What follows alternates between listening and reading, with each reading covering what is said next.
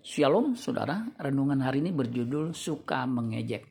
2 Petrus 3 ayat 3 dan 4. Yang terutama harus kamu ketahui ialah bahwa pada hari-hari zaman akhir akan tampil pengejek-pengejek dengan ejekan-ejekannya, yaitu orang-orang yang hidup menuruti hawa nafsunya. Kata mereka, di manakah janji tentang kedatangannya itu? Sebab Sejak bapak-bapak leluhur kita meninggal, segala sesuatu tetap seperti semula pada waktu dunia diciptakan. Terjemahan sederhana Indonesia 2 Petrus 3 ayat 3 dan 4 mengatakan begini.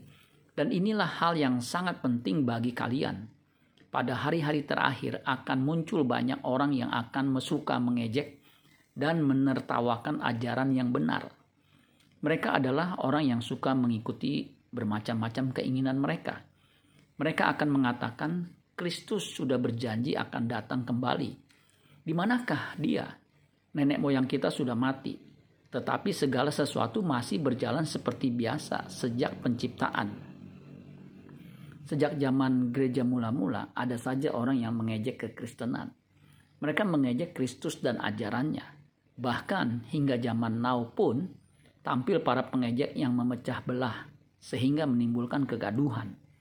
Yudas 1 ayat 18 sampai 19.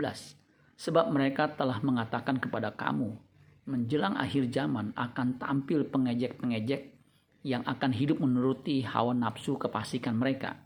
Mereka adalah pemecah belah yang dikuasai hanya oleh keinginan-keinginan dunia ini dan yang hidup tanpa roh kudus. Apalagi dengan kemajuan teknologi media sosial yang begitu masif, di mana orang dengan gampangnya memposting konten-konten ejekan. Padahal sudah ada undang-undang ITE yang mengatur agar orang tidak sembarangan menghina dan menista agama dan ajaran agama orang lain. Sejak dulu kala orang menanti kedatangan Kristus kembali, tetapi hingga di zaman milenial saat ini ia belum kunjung datang. Justru seharusnya sebelum kedatangannya kita harus mempersiapkan diri sebaik mungkin jika ia belum datang, maka kemungkinan kita yang akan mendatanginya. Betapa beruntungnya orang yang selalu siap sedia menyambut kedatangannya. 2 Petrus 3 ayat 9 sampai 11. Tuhan tidak lalai menepati janjinya. Sekalipun ada orang yang menganggapnya sebagai kelalaian. Tetapi ia sabar terhadap kamu. Karena ia menghendaki supaya jangan ada yang binasa melainkan supaya semua orang berbalik dan bertobat.